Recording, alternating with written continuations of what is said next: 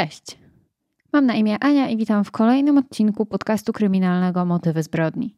Zanim zaczniemy, chciałabym przypomnieć o subskrypcji kanału oraz włączeniu powiadomień, jeżeli jeszcze tego nie robicie. Dzięki temu nie zapomnijcie o kolejnych odcinkach. Zachęcam także do dołączenia do grupy facebookowej, gdzie dodaję zdjęcia i materiały do omawianych spraw, a także zachęcam Was do dyskusji i dzielenia się swoimi przemyśleniami czy też sugestiami na temat kolejnych odcinków. Zapraszam na kolejny odcinek z serii Katastrofy. Dziś jest to właśnie temat polecony przez jednego z moich słuchaczy. Przeniesiemy się dzisiaj bardziej w czasie, ponieważ historia będzie dotyczyć katastrofy, która wydarzyła się w Polsce tuż nieopodal lotniska Okęcie. W czasach, kiedy nasz kraj znajdował się po wschodniej stronie Europy, wszystko raczej skupione było wokół Związku Radzieckiego. Mieliśmy wschodnie produkty, wschodnie technologie, wschodnie maszyny. Podróżowaliśmy też częściej na wschód. Kiedy w świecie coraz częściej ludzie przemieszczali się samolotami, a podróże między kontynentami nie były już tak nieosiągalne, było dość oczywiste, że i na wschodzie trzeba za tym nadążyć i ulepszyć maszyny, które będą służyć w lotnictwie cywilnym. Już w 1949 roku polskie linie lotnicze LOT zakupiły pierwsze samoloty produkowane przez rosyjskiego producenta o nazwie Ilyushin. W 1955 roku kupiono kolejnych sześć samolotów tej samej produkcji. W 1963 roku oblatano prototyp nowego samolotu IU-62 czterosilnikowego, turbowentylowanego samolotu pasażerskiego dalekiego zasięgu. A w 1967 roku Samoloty te odbywały już regularne rejsy z pasażerami na pokładzie. Maszyna latała z prędkością 820 km na godzinę i można było przelecieć 8000 km bez lądowania. Do tego w jednym samolocie mieściło się od 168 do 195 pasażerów. W czasach, kiedy Edward Gierek był pierwszym sekretarzem, chciał pchnąć Polskę w stronę zachodu. Podjął wiele decyzji, które miały pomóc w rozwoju naszego kraju. Rozpoczął wiele inwestycji, co sprawiało, że jakość życia w Polsce rosła z roku na rok. Nie pominięto też naszych linii lotniczych, które miały wozić Polaków za ocean. W związku z tym LOT zakupił w 1972 roku 7 radzieckich samolotów IU-62. Jeden z tych samolotów miał numer seryjny 11004, zarejestrowany jako SPLAA. 16 kwietnia 1973 roku przeszedł do historii, wykonując pierwszy lot transatlantycki polskich linii lotniczych LOT z Warszawy do Nowego Jorku. Samolot ten nazywał się również Mikołaj Kopernik. To był ogromny postęp w podróżowaniu między Polską i Stanami Zjednoczonymi. Od tamtego dnia wybrani obywatele Rzeczpolskiej i Rzeczpospolitej Ludowej mogli znaleźć się na drugim końcu świata w kilkanaście godzin. Niestety, nie był to jedyny moment, kiedy samolot zarejestrowany jako SPLAA przeszedł do historii. 13 marca 1980 roku samolot polskich linii lotniczych SPLAA stał na lotnisku JF Kennedy'ego w Nowym Jorku. Rankiem tego samego dnia wylądował na nowojorskim lotnisku, a teraz miał wracać do domu. Samolot przeszedł przegląd, został zatankowany i był gotowy do odlotu. Jednak w związku ze złymi warunkami atmosferycznymi samolot bardzo długo nie mógł wystartować i miał dwugodzinne opóźnienie. W Nowym Jorku miały wtedy miejsce duże opady śniegu, które sparaliżowały ruch lotniczy. Jednak wieczorem nadszedł moment, kiedy w końcu można było rozpocząć lot do domu. Na pokładzie samolotu była między innymi znana polska piosenkarka, zaledwie 29-letnia Anna Jantar. Wracała do domu po swoim tournée po Stanach Zjednoczonych. Do Warszawy leciała także amatorska bokserska reprezentacja USA. Bardzo młodzi sportowcy, którzy właśnie zaczynali swoje kariery i mieli przed sobą jeszcze bardzo wiele. Lecieli na igrzyska w Moskwie właśnie przez Warszawę. Na pokładzie był także dyrektor amerykańskich linii lotniczych TWA oraz muzykolog Alan Parkhurst. Poza Polakami i Amerykanami w samolocie było też kilku obywateli NRD i Związku Radzieckiego. Na lot spóźnił się natomiast Jimmy Clark, którego obfite opady śniegu zatrzymały w Filadelfii, gdzie był w odwiedziny u swoich bliskich. Nie tylko jego miejsce pozostało puste, ponieważ z nieznanych mi przyczyn 91 miejsc w samolocie nie zostało zajętych. Być może właśnie, tak jak w przypadku Jimmy'ego, część ludzi spóźniła się na lody w związku ze śnieżycami, a część biletów po prostu nie została sprzedana. Wszyscy byli już gotowi, aby odlecieć. Kapitan Paweł Lipowczan poprosił kontrolę na lotnisku w Nowym Jorku o pushback, czyli wypchnięcie maszyny z miejsca postojowego. Lot o numerze 007 właśnie miał się rozpocząć. Wieża odpowiedziała z pozwoleniem na pushback i pytaniem o liczbę pasażerów na pokładzie.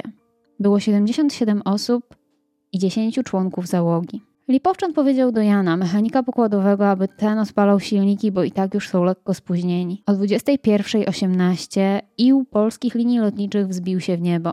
Drugi pilot schował podwozie i teraz czekał ich długi lot do Warszawy. Sam Lipowczan był doświadczonym pilotem. Miał 46 lat i w swojej karierze wylatał 12 tysięcy godzin, z czego aż 3 tysiące spędził jako dowódca. Pracował w liniach lotniczych LOT od 15 lat. W kokpicie wraz z nim siedział Ireneusz Łachocki jako drugi pilot. Ten był nieco mniej doświadczony, ponieważ za sterami spędził 9 tysięcy godzin. Częścią załogi byli także Jan Łubniewski, mechanik pokładowy, oraz Konstanty Chorzewski, nawigator pokładowy. Najbardziej doświadczony wśród załogi Kopernika z 16 tysiącami godzin na koncie był radiooperator Stefan Wąsiewicz. Dzisiaj w skład załogi samolotu nie wchodzą już takie specjalizacje jak właśnie radiooperator czy nawigator, jednak wtedy taki zespół latał razem od lat. Do załogi należał także pięcioosobowy zespół stewardes, które obsługiwały pasażerów. Mimo opóźnienia wszystko wydawało się iść zgodnie z planem. Samolot przeszedł poprawnie przegląd, wszystkie podzespoły Iła działały bez zarzutów. Trasa lotu była taka jak zawsze. Maszyna wystartowała ze Stanów, później przeleciała nad Kanadą, Oceanem Atlantyckim, Wielką Brytanią, Danią, Bałtykiem, aż znalazła się na terytorium Polski. Planowana data lądowania Kopernika na Okęciu wyznaczona była na 9.40, jednak jak wiemy był trochę spóźniony – więc dopiero kilkadziesiąt minut później pojawił się nad Darłowem na wysokości 11 300 metrów. Pogoda nad Warszawą była ładna. Mroźnie, ale słonecznie. Temperatura lekko poniżej zera. Ani trochę nie były to trudne warunki, a lądowanie miało być zupełnie rutynowe. Nikt nie spodziewał się żadnych niespodzianek. O 10.58 wieża kontrolna z Okęcia była już w kontakcie z załogą Kopernika. Wskazali im kurs na 115 stopni. Po godzinie 11 czasu lokalnego samolot był już nad Warszawą i przygotowywał się do lądowania. W końcu około 11 wieża przekazała komunikat, że zezwala na lądowanie na pasie 15. Lipowczan instruuje Łachockiego i mówi, żeby wypuścić podwozie. Kiedy ten chwyta za dźwignię, pojawia się pewien problem. Załoga komunikuje wieży kontrolnej, że nie działa sygnalizacja wysuniętego podwozia, jednak w samolotach typu IU była to dość częsta usterka. Najprawdopodobniej przepalił się bezpiecznik albo żarówka. Z reguły to była przyczyna braku świecącej się kontrolki. Kapitan Lipowczan zgłosił zaistniałą sytuację kontrolerom na wieży i poinformował, że wykona manewr, który z reguły w tej sytuacji był wykonywany, czyli przeleci nisko nad pasem startowym i podejdzie do lądowania ponownie. A w tym czasie mechanik pokładowy będzie miał czas, aby sprawdzić wszystkie obwody. Natomiast obsługa naziemna lotniska będzie mogła sprawdzić przez lornetkę, czy podwozie na pewno zostało wysunięte. Kontroler lotów wydał polecenie, aby podnieść samolot z pułapu 250 metrów do 650 metrów. Kiedy samolot zwiększył moc silników, aby wznieść się na tzw. Tak drugi krąg, pękł wał łączący turbinę ze sprężarką niskiego ciśnienia w silniku numer 2. Był umiejscowiony po lewej stronie, najbliżej kadłuba samolotu. Wtedy sygnalizacja wskazała na awarię podwozia. Pęknięty wał spowodował, że turbina rozpędziła się do 130% swojej maksymalnej prędkości, co spowodowało wybuchowe rozerwanie na trzy części, niszcząc silnik numer 2.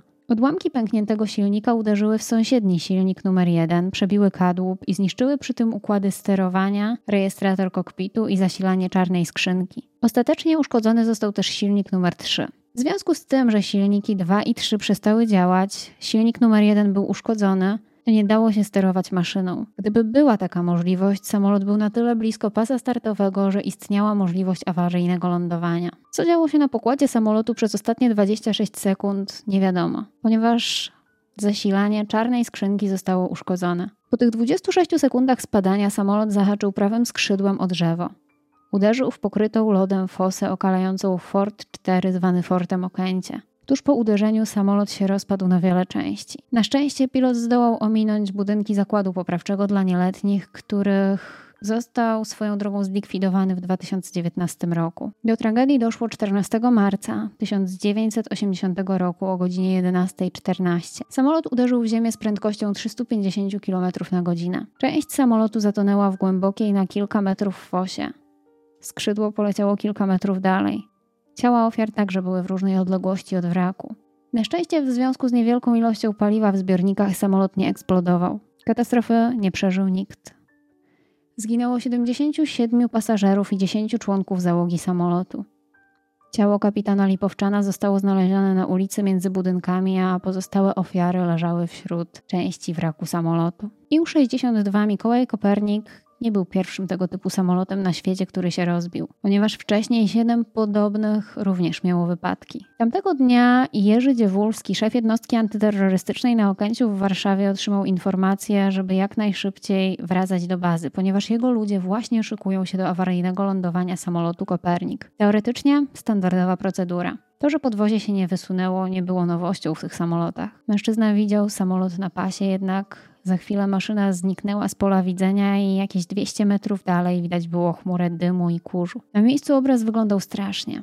Trzepoczące na wietrze kolorowe tkaniny, które stewardesy przywiozły na handel, ubrania pasażerów, szczątki samolotu. Informacje, jakie dochodziły do ludzi z mediów, były bardzo ograniczone. Do gazet trafiały jedynie okrojone dane dotyczące ofiar tragedii i informacje o tym, że taki wypadek miał miejsce. Nic więcej. Tuż po katastrofie lotnisko Okęcie działało normalnie. Tylko rodziny pasażerów Kopernika wciąż czekały na swoich bliskich. W końcu pracownik linii lotniczych LOT powiadomił ich o tym, co się wydarzyło. Informacja zwaliła z nóg mnóstwo osób. Jedni mdleli, inni wpadali w rozpacz. Jeszcze inni mieli nadzieję, że może ich bliscy nie zdążyli na ten lot i niedługo wrócą cali i zdrowi. 15 i 16 marca 1980 roku ogłoszono żałobę narodową w Warszawie, aby oddać cześć ofiarom katastrofy.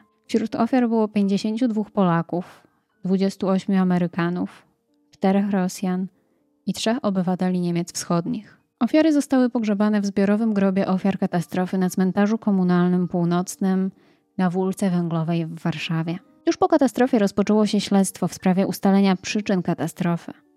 Nie było to łatwe śledztwo, ponieważ utrudniane było przez Związek Radziecki, który był producentem samolotu. Nie było im na rękę, aby świat dowiedział się, że katastrofa mogła być wynikiem niesprawności wyprodukowanej przez nich maszyny. Komisja ustaliła, że przyczyną pęknięcia wału silnika były wady materiałowe i technologiczne w silniku numer 2. Z oględzin wraku samolotu wynikało, że wał silnika pękł wskutek naprężeń i zmęczenia materiału. Potwierdzono także, że jeszcze przed wylotem z Warszawy do Nowego Jorku silnik wykazywał większe poziomy drgań, a mimo to nadal był eksploatowany. Być może jeszcze podczas sprawdzania stanu technicznego w Nowym Jorku, gdyby sprawdzono ten silnik, to do awarii doszłoby na lotnisku, a jeśli podwozie samolotu w Warszawie by się wysunęło, to do katastrofy mogłoby dojść przy kolejnym starcie. Ustalenia komisji zostały przesłane do Związku Radzieckiego, jednak raport został przez nich odrzucony, ponieważ twierdzili, że pęknięcie wału silnika było skutkiem katastrofy, a nie jej przyczyną. Po siedmiu latach jednak Rosjanie przyznali, że byli w błędzie. Było to po katastrofie kolejnego polskiego Iła, Tadeusza Kościuszki. Szybko na jaw wyszło, że każdy Ił będący we flocie lotu mógł ulec takiej awarii, jednak dokumenty, które to potwierdzały, ujrzały światło dzienne dopiero w 2010 roku. Wspominałam już, że Polska za czasów Edwarda Gierka prężnie się rozwijała. Jednak był to rozwój za pieniądze pożyczone z zachodu, które trzeba było spłacić. Więc końcówka lat 70. to był czas, kiedy trzeba było zaciskać pasa. Oszczędności szukano wszędzie. Pod koniec lat 70. kryzys był coraz większy, dlatego Ministerstwo Komunikacji zażądało od lotu, aby oni także szukali oszczędności więc siłą rzeczy zaczęły się oszczędności na bezpieczeństwie. Według producenta silników stosowanych w samolotach IU-62 czas ich bezawaryjnej pracy to 5000 godzin. Jednak niemal połowa z nich ulegała awarii już po 2-3 tysiącach godzin lotów. Biorąc pod uwagę, że Rosjanie chcieli niemałe pieniądze za serwisowanie tych silników, ówczesna dyrekcja lotu uznała, że można ten czas trochę wydłużyć. Tak, do 8 tysięcy godzin lotu. Rosjanie powiedzieli, że biorą odpowiedzialność tylko do 5 tysięcy godzin, więc reszta była totalnie na naszą odpowiedzialność. Wykazując się sprytem, Polacy montowali trzy silniki, których czas lotu był mniejszy niż 5000 godzin i dorzucali jeden, który miał dłuższą historię. Okazało się, że tak samo było w przypadku samolotu Kopernik. Silnik numer 2 pierwszej awarii doznał po 1700 godzinach lotu w 1975 roku i został przekazany do Związku Radzieckiego, aby go naprawiono. Kiedy wrócił, latał dalej. Po kolejnych 5000 godzin, na początku 1979 roku, został przekroczony dopuszczalny poziom wibracji. Wtedy silnik nie powinien już latać. Jednak z braku środków na moment go wymontowano i odłożono na przysłowiową półkę. W marcu 1979 roku ktoś go wziął z tej półki i zamontował do Iła-62 Kopernika. Przed wylotem Kopernika do Nowego Jorku mechanik robiący przegląd zauważył usterkę w silniku numer 1, ale zobaczył też, że informacja o tej usterce jest w dokumentach, a mimo to samolot jest dopuszczony do lotów, więc nie zawracał sobie tym głowy. Nie chciał też podważać kompetencji przełożonych. Silnik numer 3 też nie był w najlepszym stanie. Miał wylatane więcej niż nowa norma, bo ponad 8200 godzin. Silnik numer 3 też nie był w najlepszym stanie. Miał wylatane więcej niż nowa norma, bo ponad 8200 godzin. Tak naprawdę Kopernik latał na dwóch dobrych silnikach. Tuż po katastrofie w polskich liniach lotniczych zaczęły się protesty załogi. Nie chcieli latać samolotami, które nie były sprawne. Zaczęło się więc oszukiwanie personelu. Dostawali dobre maszyny tylko kiedy ktoś odmawiał lotu, najczęściej na trasie Moskwa-Warszawa. Końcu jednak ktoś zrozumiał, jak niebezpieczny jest ten proceder i wymontowano wszystkie stare i niesprawne silniki. Dochodzenie w sprawie katastrofy zakończyło się jeszcze w 1980 roku, ponieważ nie wykryto przestępstwa i w sumie wszystkim to było na rękę. Prawda ujrzała światło dzienne dopiero w 2010 roku. Z tych informacji wynika, że tragedii dałoby się uniknąć. I to właściwie już wszystko w tej sprawie. Na miejscu tragedii do dzisiaj jest pomnik upamiętniający ofiary tego nieszczęścia. Kochani, dziękuję za wysłuchanie podcastu do końca. Dajcie znać, czy ta historia Wam się podobała. Jeżeli tak, to pamiętajcie o zostawieniu łapki w górę. Dbajcie o siebie, dbajcie o swoich bliskich i zawsze pamiętajcie o swoim bezpieczeństwie. Cześć!